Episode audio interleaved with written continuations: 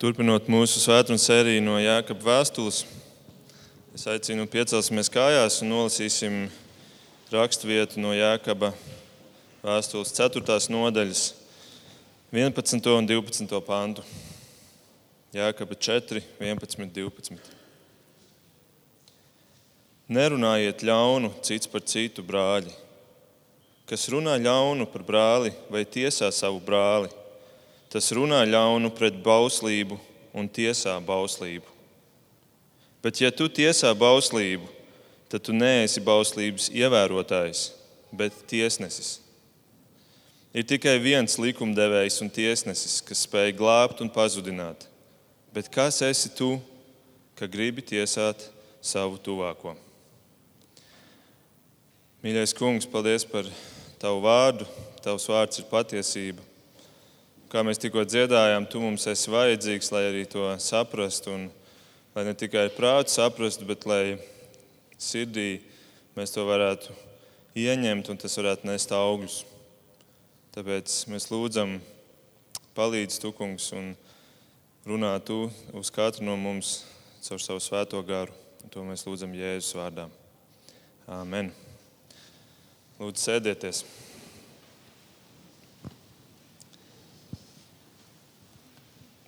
Tad, kad eh, mūsu kungs Jēzus staigāja pa zemes virsmu, tad eh, kādā notikumā mēs lasām, ka, kāds, eh, ka kādā notikumā viņš teica šādus vārdus: Vai cilvēka dēls atnācis, atradīs uz zemes ticību? Vai cilvēka dēls atnācis, atradīs uz zemes ticību? Tie bija vārdi par Jēzus otro atnākšanu. Un viņš uzdod šo jautājumu, vai tad, kad viņš atnāks, vai cilvēkiem būs ticība. Un Jēzum bija vairāki mīsīgi brāļi. Mēs viņus varam saukt arī par pusbrāļiem, no kuriem viens īpaši ir izcelts Bībelē, un tas ir Jēkabs, šīs vēstules autors. Viņš bija iespējams vecākais no Jēzus pusbrāļiem, un viņš bija ļoti skeptisks par Jēzu. Un tikai pēc tam, kad Jēzus augšām ceļas un parādās šim Jākabam, tad Jākabs sāk ticēt, un ne tikai sāk ticēt, bet viņš kļūst par Jeruzalemes draugas pīlāru un balstu. Un ļoti iespējams, ka Jēkabs bija dzirdējis šos Jēzus vārdus par šo ticību, tad, kad es atnākšu otrais, vai es atradīšu zemes ticību. Un tāpēc šī Jēkabs vēstule, kur mēs šeit studējam, un kā mēs arī esam jau runājuši, Viņā mēs redzam ļoti spilgtu iezīmi attiecībā uz šo jautājumu par to patieso ticību. Šī vēstule ir kā tāds saraksts, kurā ir pārbaudas, vai mana ticība ir patiesa, dzīva, vai tā kļūst redzama darbos. Un Jākaps tāpēc māca šajā vēstulē, ka ir mirusī ticība, kura izskatās pēc ticības, kuras apgalvoju, ar prātu, intelektuāli, ka es ticu Dievam, bet tā nav dzīva un tā līdz ar to nav īsta, jo tā nekļūst redzama darbos. Un tā nu mēs jau esam izgājuši cauri veselai rindai pārbaužu. Es varu jums atgādināt, pirmajā nodaļā pirmā pārbauda bija, vai mana ticība paliek, pastāv pārbaudījumos. Tad, kad ir grūti, tad, kad ir iemesls varbūt atkāpties no tās vai tā tomēr paliek, pastāv. Pēc tam bija, vai es kārdinājumos nevainoju Dievu, bet es saprotu, ka tie kārdinājumi ir manis paša dēļ, tās ir manas iekšējās iekārtas. Trešais pārbaudījums bija, vai man ir nopietna attieksme pret grēku. Vai man ir nopietna attieksme pret grēku? Un tad bija pārbaude, par brīvības likumu, vai es saprotu, kas tas ir, un vai es dzīvoju pēc brīvības likuma. Un tad otrajā nodaļā Jēkabs runāja par to, vai es spriežu pēc ārienes, vai es cilvēku vērtēju pēc ārienes, tā kā to dara pasaule. Vai tomēr es esmu pārmainīts un es spēju lūkoties uz cilvēku patieso vērtību, kas nav āriene. Un tajā pašā otrā nodaļā bija pārbauda, vai es apzinos, ka ir ka pastāv dzīva un mirusi ticība. Trešajā nodaļā bija pārbauda, vai mana mēlē apliecina manu īsto patiesību, manu īsto ticību, kas ir manī. Vai mana mēlē apliecina, ka mana sirds ir izmainījusies, jo viss, ko mēs runājam, tas nāk no mūsu sirds pārpilnības. Un tur bija vēl, viena, vēl viens tests, vēl viens pārbaudījums trešajā nodaļā. Vai mana gudrība ir dieva dotā gudrība vai pasaules gudrība? Vai es spriežu balstoties uz dieva kritērijiem vai pasaules kritērijiem? Un tad, nonākot šajā ceturtajā nodaļā, mēs runājām par to, vai es esmu pasaules draugs vai tomēr dieva draugs. Un pagājušajā reizē, pagājušajā svētdienā, šajā sērijā mēs domājam par to, vai es spēju pazemībā pakļauties Dievam. Un tā nu šie visi testi ir doti, lai es pārbaudītu sevi, vai es esmu tajā īstajā ticībā. Vai cilvēka dēls atnācis, atradīs uz zemes ticību? Un šis jautājums, man liekas, ir, tā, ir ar tādu piegājušu, ar tādu pieskaņu, ka Jēzus saka, ka visticamāk būs maz to, kuri būs ar šo īsto ticību.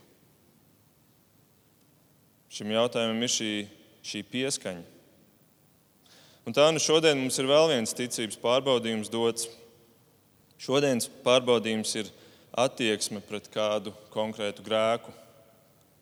Ļoti vienkāršu grēku. Ļoti vienkārši izpildām grēku.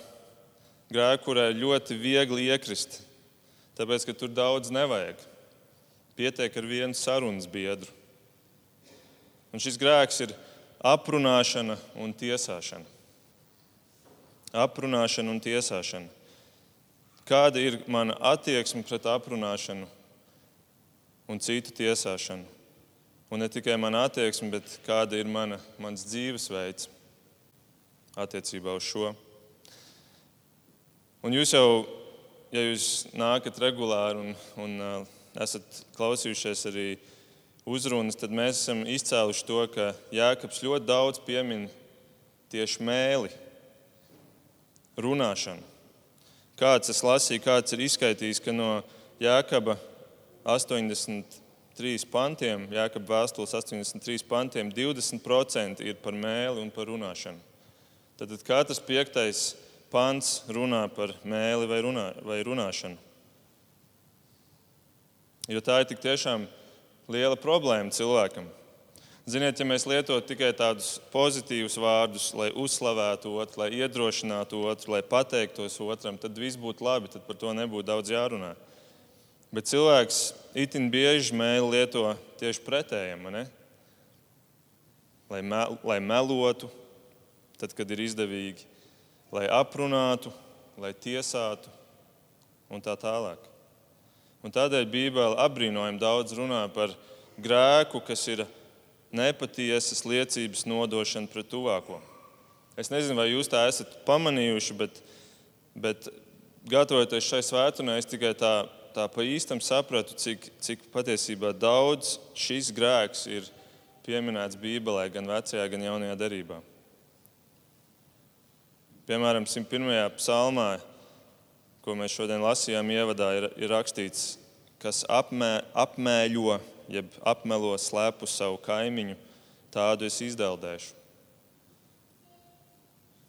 Ļoti nopietns grēks. Sākām vārdos seši ir minētas septiņas lietas, kuras Dievs ienīst. Tur ir teikts tā, seši ir, ko kungs nīst, un septiņi, kas viņam derdzas.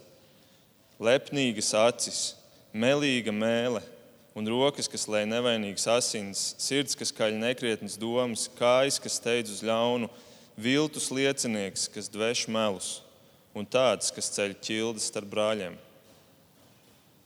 Ja mēs uzmanīgi ieklausījāmies no šīm septiņām lietām, trīs lietas runā par šodienas tēmu - par meliem, viltus liecību un ķildu celšanu starp brāļiem. Un pat ja mēs paskatāmies desmit baušļus, pat šim grēkam ir iedot vieta šajā prestižajā elitē starp baušļiem, kur ir teikts, nedod pret savu tuvāko melīgu liecību. Vai vecajā tulkojumā, kas mums kas mums ir pierastāks, tev nebūs nepatiesa liecība dot pret savu tuvāko. Redziet, tik nopietns grēks. Un, un ja mēs tā padomājam, kas tad ir tas cēlonis, kādēļ cilvēki runā sliktu par otru, kāpēc aprunā, kāpēc tiesā otru, tad tā, tas cēlonis noteikti ir naids, skaudība, godkāra, lepnums. Un, ja Bībelē mēs palasām, kas ir avots tam visam, tad mēs redzam, ka avots ir pats ļaunais. Jāņa 8. Jēzus teica, jūs esat no sava tēva vēlna, un jūs gribat darīt sava tēva kārības. Viņš no iesākuma ir bijis cilvēks slepkava un nav pastāvējis patiesībā, jo viņā nav patiesības.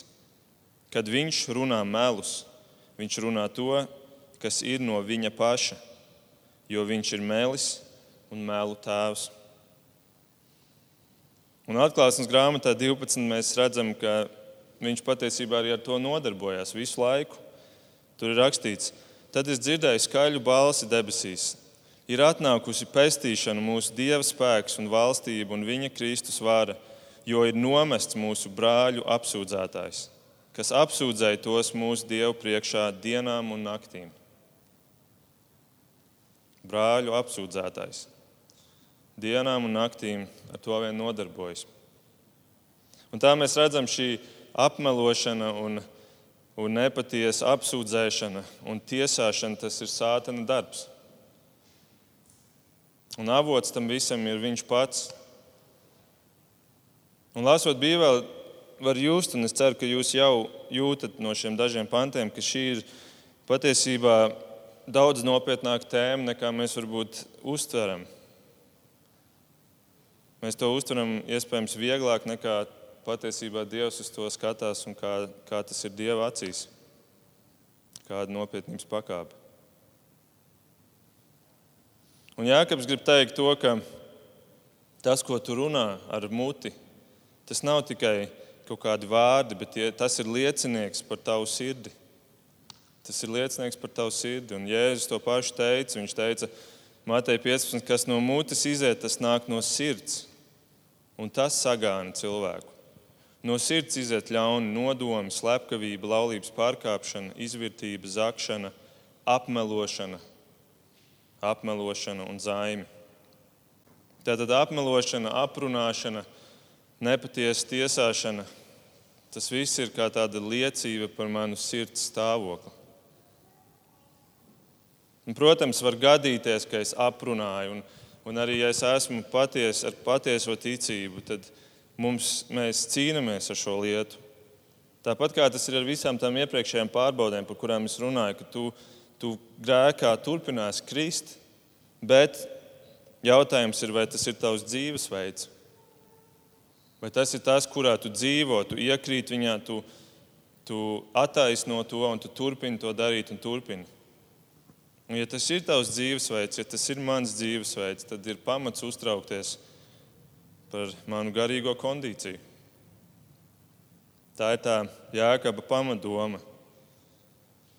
Tad ir vērts uztraukties, ir pamats uztraukties par to, vai manī ir šī ticība, šī īstā ticība, par kuru Jēzus teica, kad es atnākšu, vai viņa būs šeit virs zemes.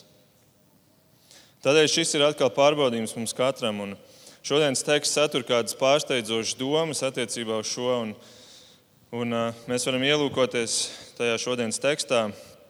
Mēs redzam, ka pirmais varbūt, tāds aspekts, ko es vēlos izcelt, ir, ka Jēkabs šeit uzrunā mērķa auditoriju, jeb auditoriju brāļi. Ja, tas nozīmē, tas ietver brāļus un māsas. Kristū tie ir mūsu pirmām kārtām mūsu draudzes cilvēki. Kristieši, ticīgie, brāļi. Viņš raksta, nerunājiet ļaunu cits par citu brāļi. Protams, nerunājiet arī par citiem, bet pirmām kārtām tam vajadzētu būt redzamam starp mums, starp brāļiem un māsām. Un, ziniet, jūs jau zinat, konflikti tā ir viena riebīga lieta, kad tu skaties uz citiem un tu redzi, viņi tur strīdās, viņiem ir konflikts, viņiem ir kādas attiecību problēmas, kas ir tik ielgušas un samilzušas, ka kad tas spiežās uz āru un to ir grūti paslēpt ģimenes četrās sienās. Konflikti ir riebīgi, un vēl riebīgāk ir, ja tas ir ģimenē, ja tas ir starp cilvēkiem, kuri, kuri dzīvo kopā. Un, bet vēl riebīgāk ir, ja tas ir kristiešu ģimenes lokā. Kristiešu ģimenes lokā, ja tas ir starp brāļiem un māsām šie, šie konflikti. Un, ziniet, ja Kristus mūs ir atpircis, tad Viņš to ir darījis ar savām dārgajām asinīm. Un, ja Viņš ir atpircis mūs, tad šīs asins tagad, simboliski runājot, plūst mūsos. Mums ir viena asins rīta. Caur Kristu mēs esam asins radinieki savā starpā. Brāļi un māsas.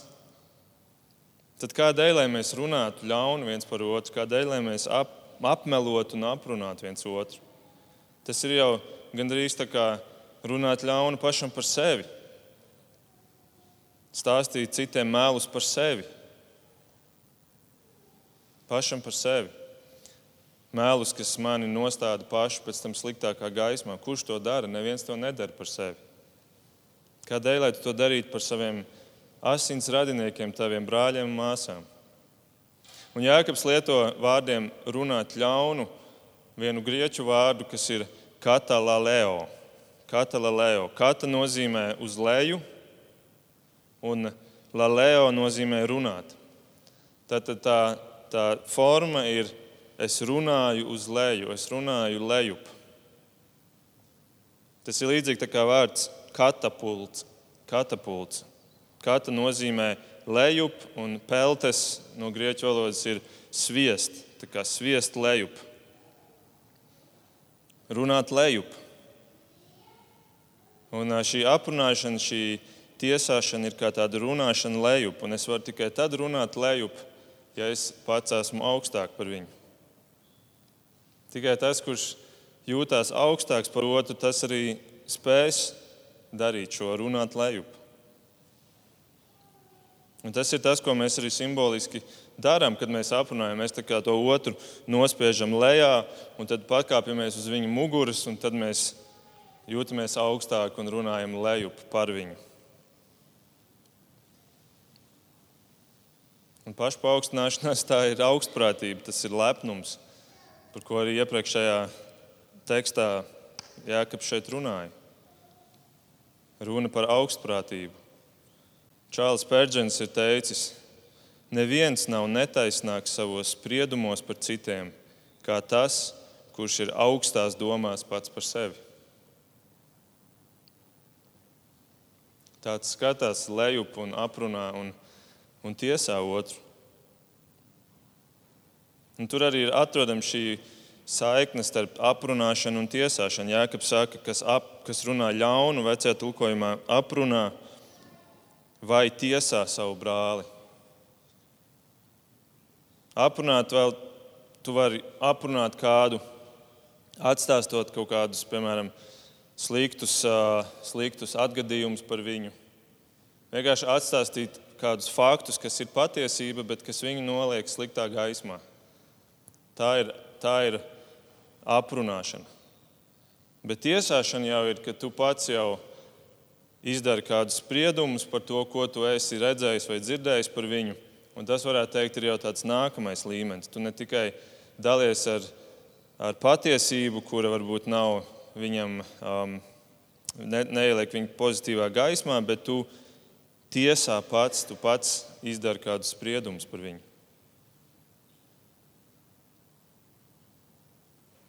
Un interesanti teologi raksta par šo tēmu, ka Katala Leo tam otram vārda daļai tam laleo ir zināma būtiska nozīme. Jo ir divi veidi, kuri runā par runāšanu. Ir vārds lego un vārds laleo. Vārds lego ir tāda loģiska, ar saprātu runāšana par otru, jeb vispār runāšana kā tāda, ar tādu loģiku, ar, ar saprātu.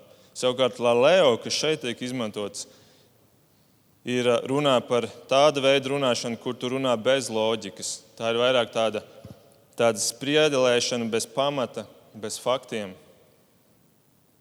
Tas ir līdzīgi vārds glasolēlija, ja jūs esat dzirdējuši. Vārds, kas, ir, kas tiek lietots, lai apzīmētu mēlēs runāšanu, kura nav īsta valoda, bet kur tu runā, vienkārši kaut kādas skaņas izdod, to sauc par glasu lēliju. Te ir tas pats vārds, vārda sākne laleo iekšā, kas ir kaut kāda murmināšana bez saprāta, bez loģikas, bez, nekā, bez nekādiem faktiem un pamata.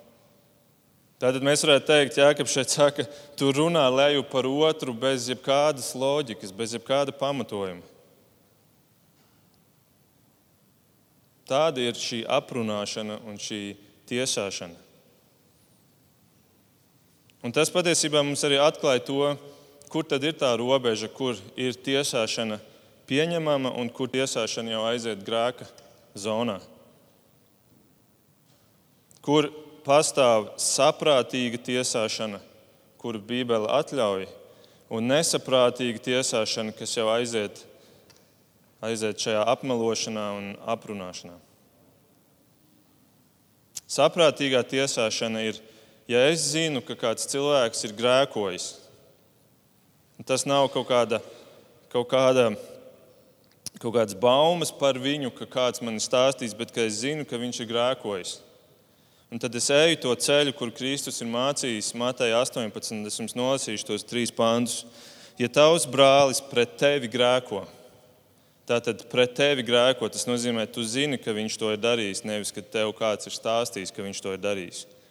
Tad ej un uzrādi viņa vainu. Ej un uzrādi viņa vainu. Viņa vaina nozīmē, ka tur ir kaut kāds pamats. Pēc dieva vārda balstoties, ja spriežot, tas ir grēks, tas ir dieva vārda pārkāpums. Tātad tur ir vaina. Tātad ej un uzrādi viņa vainu, kad esi divatā Tad ir divatā, viss sākās divatā.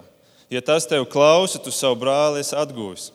Ja viņš tev neklausa, tad ņem līdzi vēl vienu vai divus, lai no divu vai trīs liecinieku mutes katrs vārds tiek apstiprināts. Ja viņš tos neklausa, tad saki to draudzēji. Un, ja viņš neklausa draugu, tad uzskat viņu par pagānu vai muitnieku, vai citiem vārdiem sakot, izslēdz viņu no draudzes. Tātad šeit ir saprātīga rīcība, kur tiesāšana ir pareiza. Ir pirmkārt, kur tu redzi skaidri, ka brālis ir grēkojis. Otrkārt, tad tu ej zem četrām acīm ar viņu to runā. Tavas divas acis un viņa divas acis, nevis kāda cita divas acis. Un tad tu ej pie draudzes, un te ir doma, ka tu ej pie draudzes vadības, un tu pacel šo jautājumu. Un ja viņš, ja viņš uzskata, ka ka viņš nav gatavs atkāpties no šī grēka, tad tu vari uzskatīt to kā apliecinājumu, ka viņam neinteresē dieva griba, paklausīšana dieva likumiem, un eh, tu viņu slēdz ārā no draudzes.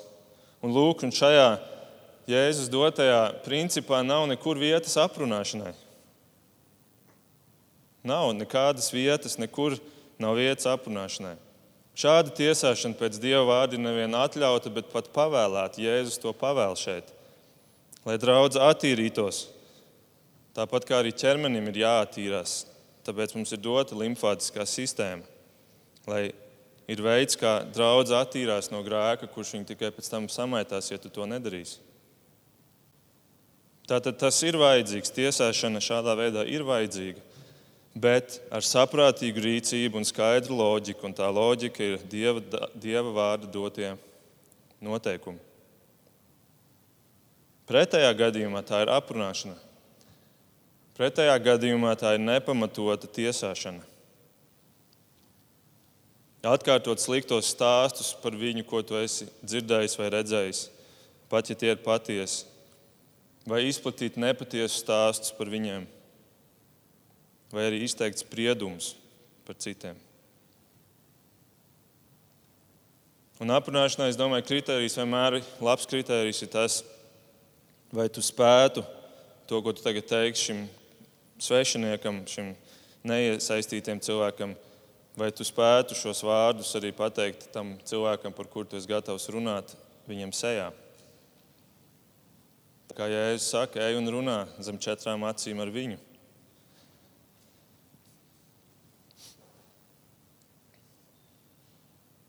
Šie nepamatotie spriedumi, šī tiesāšana ir tāda lieta, kur, kur mēs varam uzdot jautājumu, Bet kā tu zini, kāda ir šī cilvēka dzīve? Vai tu esi bijis klāt un tu redzi un tu zini visu, kas notiek viņa dzīvē? Vai tu zini, kādi ir viņa izaicinājumi un apstākļi, kādos viņš dzīvo, pirms tu izdari kādu spriedumu? Mēs nesen ar puišiem skatījāmies tādu filmu, kurai nosaukums ir Brīnums, par kādu puisīti, kurš, kuram bija vairākas desmit reižu veiktas sejas operācijas. Viņš piedzima slims. Un, un tur bija parādīts, kā viņš sāk skolas gaitas un kā viņu apceļ skolā. Un, un tad tā filma ieņēma tādu mazliet pārsteidzošu rakursu, jo sāk rādīt ne tikai viņa dzīvi, bet sāk rādīt to dzīves, kuri apceļ viņu. Un sāka vienkārši paskaidrot, no kurienes viņš nāk, kāda ir viņa apstākļi, kāda ir viņa izaicinājumi viņu pagātne, no kuras nāk šie, šie bērni, kuri apceļ šo puisi. Un tad filmas beigās šis puisītis pateica tādu ļoti labu teikumu. Viņš teica, mēs nezinām, kādas ir viņu cīņas, jo katram ir savas cīņas, ar kurām viņš cīnās. Un, manuprāt, Jēkabs tieši to arī cenšas pateikt šodien netiesā brāli, jo tev nav dota visa informācija par viņu. Ja viņš grēko pret tevi, un tu to redzi un esi liecinieks, tad tā ir cita lieta. Bet, ja nē, tad netiesā. Un tas, ko Jēkabs dara, viņš neapstājas tikai pie tādas plīkas pavēles. Vienkārši nedariet to, un viss tā būs labāk. Bet viņš pamato to, kādēļ tev pašam vajadzētu negribēt vairs to darīt? Kādēļ tev nevajadzētu vairs negribēt to darīt pašam no sevis? Jo viņš atklāja pēc tam tekstā, kas ir tās tālējošās sekas šādai tiesāšanai. Un viņš parāda, nu, ka ir trīs līmeņi, trīs līmeņi aprunāšanai. Pirmo līmeni mēs jau esam izrunājuši. Tas ir aprunāt un tiesāt brāli. Un vienīgā lieta, ko es vēlos vēl pieminēt, ir, ka aprunāšanas ceremonija nebūtu iespējama, ja tajā nepiedalās vismaz divi. Līdzīgi kā mēs sakam, viena pagala nedeg. Un līdz ar to ne tikai aprunāšana ir grēks, bet arī apklausīšana. Apklausīšana, ja tā var teikt. Ja es klausos aprunāšanā, tad es neesmu daudz tīrāks, jo šie netīrie vārdi arī apķēzīja mani. Man pašam nesen bija viena saruna, kur, kur man kāds cilvēks stāstīja par viņa pieredzi ar, ar, vienu, ar vienu mācītāju. Tas nebija mūsu draugs mācītājs. Un es to visu uzklausīju, un tikai pēc tās sarunas, pēc kāda laika, es sāku domāt, bet, bet vai man vispār vajadzēja to visu klausīties? Nē, es zinu par to mācītāju, kādas, kādi ir viņam draudzē apstākļi. Nē, es zinu par šo cilvēku pietiekami daudz. Un tad es domāju, kas man būtu bijis jādara, ja, ja es būtu gribējis pārtraukt šo, šo aprunāšanu, šo apklausīšanu. Kā pārtraukt šo stāstījumu? Un, un tad es sapratu, ka patiesībā jau tā ir kā tāda izvēle būt pieklājīgam pret aprunātāju vai arī pret aprunāto. Jebkurā gadījumā tu vienu nostādīsi sliktā situācijā, un tas droši vien ir tas izaicinājums. Ja es turpinu klausīties, es nostājos pret to, kurš tiek aprunāts. Bet, ja man ir jānostājas pret kādu no viņiem, tad droši vien labāk to ir darīt pret to, kurš runā ar mani, kurš aprunā. It īpaši es saprotu vēl vairāk šodien, ka, ka tas ir ļoti nopietns grēks. It īpaši es vēl to daru pret brāli vai māsu. Un kāds ir teicis, esi drošs, ka tas, kurš aprunā citus tavā klātbūtnē, aprunās arī tevi tavā prombūtnē.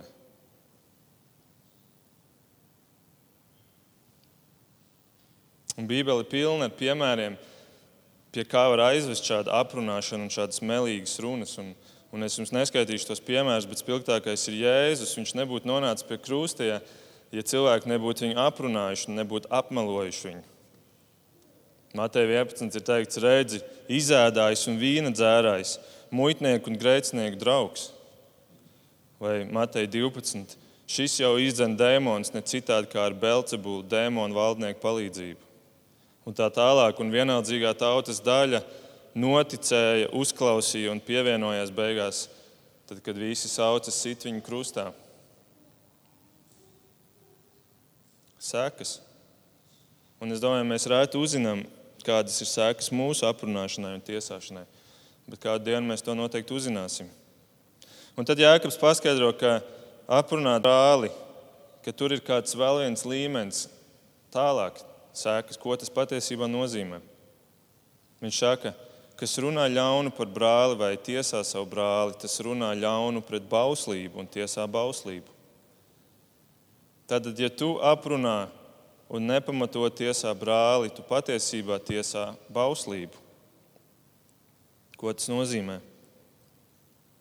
Ļoti vienkārši. Bauslība māca, ka ir jāmīl nevien Dievs, bet kurš vēl? Brālis un māsa, tuvākais. Matei 22. kāds jēzum jautāja, skolotāji, kurš ir pats nozīmīgākais bauslis bauslībā?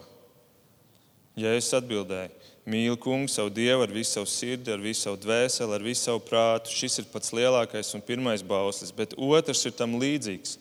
Mīli savu tuvāko kā sevi pašu. Šie divi baušļi ir pamatā visai bauslībai un visai praviešu mācībai. Lūk, tā tad mīlēt Dievu un savu tuvāko, tas ir tas bauslības apkopojums. Tā ir tā bauslība. Pāvils to apstiprināja Romiešiem 13, kur viņš teica, Ne, nepalieciet nevienam parādā neko citu kā viens savstarpēju mīlestību, jo kas otru mīl, ir piepildījis bauslību. Jo baušļi nepārkāp laulību, nenogalina, nezodz, neiekāro, un ja ir vēl kāds cits bauslis, tie visi kopā ir izsakāmi šajā vārdā - mīli savu tuvāko kā sevi pašu. Tātad, ja tu aprunā un nepamatoti, tiesā otru, tad tā nav mīlestība un tu pārkāp bauslību. Bet Jānis saka, tu ne tikai pārkāp bauslību, jo patiesībā jebkurš grēks ir bauslības pārkāpšana, bet ar šo grēku ir viena būtiska atšķirība. Tu ne tikai pārkāp bauslību, bet tu arī viņu tiesā. Tu arī vēl tiesā bauslību. Kādēļ? Un šo ir svarīgi saprast. Kādēļ tu tiesā bauslību darot to? Jo tad, kad tu grēko ar jebkuru grēku, tu pārkāp likumu, tu pārkāp dieva vārdu, bauslību likumu. Bet, kad tu tiesā pēc likuma, kas nav dieva vārds, kas nav bauslība, tu sāc tiesāt pēc cita likuma, un šis cits likums ir tevis paša radīts likums. Līdz ar to tu nevien tiesā kādu pēc dieva likuma, bet tu nemaz vairs netiesā pēc dieva likuma. Tu esi izdomājis savu likumu, kurš neatbilst dieva likumam, un tu tagad sāc tiesāt savu brāli pēc šiem saviem jauniem likumiem. Un tādējādi tu izdari ko? Tu iesēdies tiesneša krēslā. Un tas mūs aizved pie šī trešā līmeņa, ko Jēkabs saka, tu sāc tiesāt Dievu. Viņš raksta, Bet, ja tu tiesā bauslību, tad tu neesi bauslības ievērotājs, bet tu esi tiesnesis. Bet ir tikai viens likumdevējs un tiesnesis, kas spēj glābt un pazudināt. Un tas ir Dievs. Tātad, ja tu gadījumā nesaprati to iepriekšējo sarežģīto domu, vēlreiz pavisam vienkārši. Ja tu aprunā brāli, tu aprunā Dievu. Ja tu nepamatot tiesā brāli, tu patiesībā tiesā Dievu. Ja tu apmelo brāli, tu patiesībā apmelo Dievu. Līdzīgi kā Jāņa, ne, kā atvainojos, Mateja 25. Jēzus teica, visu, ko jūs esat darījuši vienam no šiem maniem vismazākajiem brāļiem, to jūs esat kam darījuši? Man. Tā skaitā aprunāšanu, un apmelošanu un nepamatotu tiesāšanu.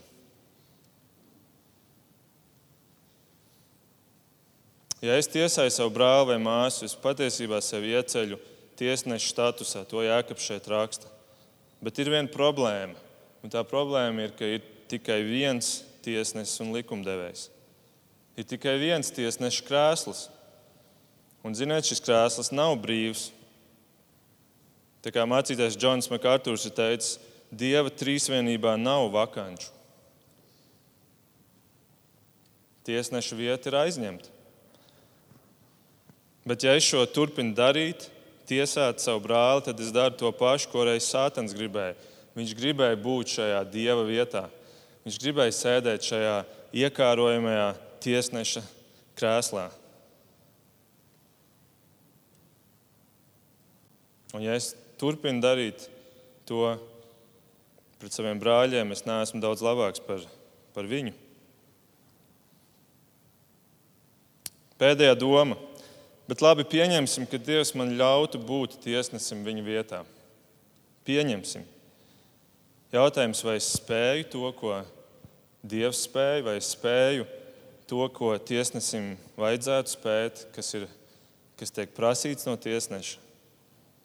Piemēram, Jēkabs šeit pat raksta, ka Dievs spēja glābt un pazudināt. Un tas vārds spēja ir vārds dinamēnos. Tas nozīmē dinamīta spēks.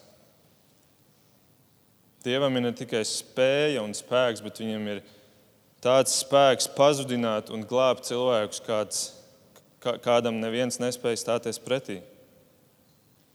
Vai es kaut ko tādu spētu, ja es tiktu iesēdināts šajā krēslā? Vai 5. mūzes 32, kur teikts, Dievs saka, es nāvēju un es daru dzīvu, es ievainoju un es sadziedēju. Neviens nevar glābt no manas rokas. Tik vērens ir šis tiesnesis. Vai es spēju kaut mazliet no tā? Vai pirmā ķēniņa astoņi, tu uzklausi no debesīm savas mājvietas, Tu piedod un tu atdari pēc viņa darbiem, jo tu vienīgais zini viņa sirdi. Tu proti atšķirt katra cilvēka sirdi. Šis tiesnesis nevien redz cilvēka darbus, bet viņš pat redz sirdis. Ļoti piemērots tiesnesis. Es domāju, cik labi būtu, ja mums būtu tādi tiesneši, kuri redz cilvēku sirdis, nevis tikai redz darbus. Bet vai es, kurš grib būt tiesnesis, Vai es to spēju? Es pat nespēju redzēt darbus. Es spēju tikai ierobežotā veidā mazliet redzēt no citu cilvēku darbiem. Kā gan es varu tiesāt? Vai pēdējais sakām vārdiem 15. Šeols, jeb elle un pazušana ir kunga priekšā. Vēl jo vairāk cilvēku bērnu sirdis. Redzēt, šim tiesnesim ir pat vara pār elli. Bet es, ja es zinātu, kas ir ēlis, tikai spētu drebēt tās priekšā. Ko es varu par to teikt? Ak, es muļķīgais, dumjais cilvēks, kurš grib būt tiesnesis Dieva vietā, savu brāļu un māsu tiesnesis.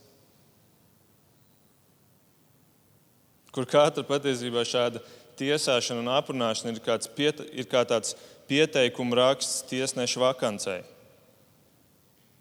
kura nonāk pie šī visvarenā tiesneša un nonāk uz viņa rakstām galda, kur viņš redz, ka es esmu pieteicies šai tiesneša vietai ar manu smieklīgo CV. Uzpūtīgais, lepnais cilvēks. Es.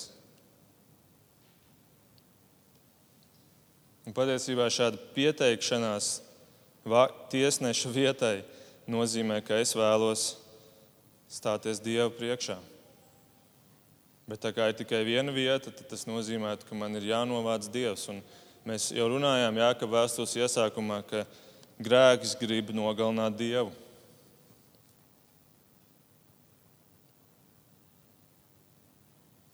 Un šis grēks to it īpaši cenšas izdarīt. Nezinu, kā jums, bet man eh, pašam šī raksturvieta ir daudz likus domāt. Un, kā jau teicu, man ir šī, šis grēks, es viņu nebiju tik, tik nozīmīgi redzējis, un, un es saprotu, ka viņš ir daudz nopietnāks nekā, nekā varbūt tā ikdienā dzīvojot šķiet.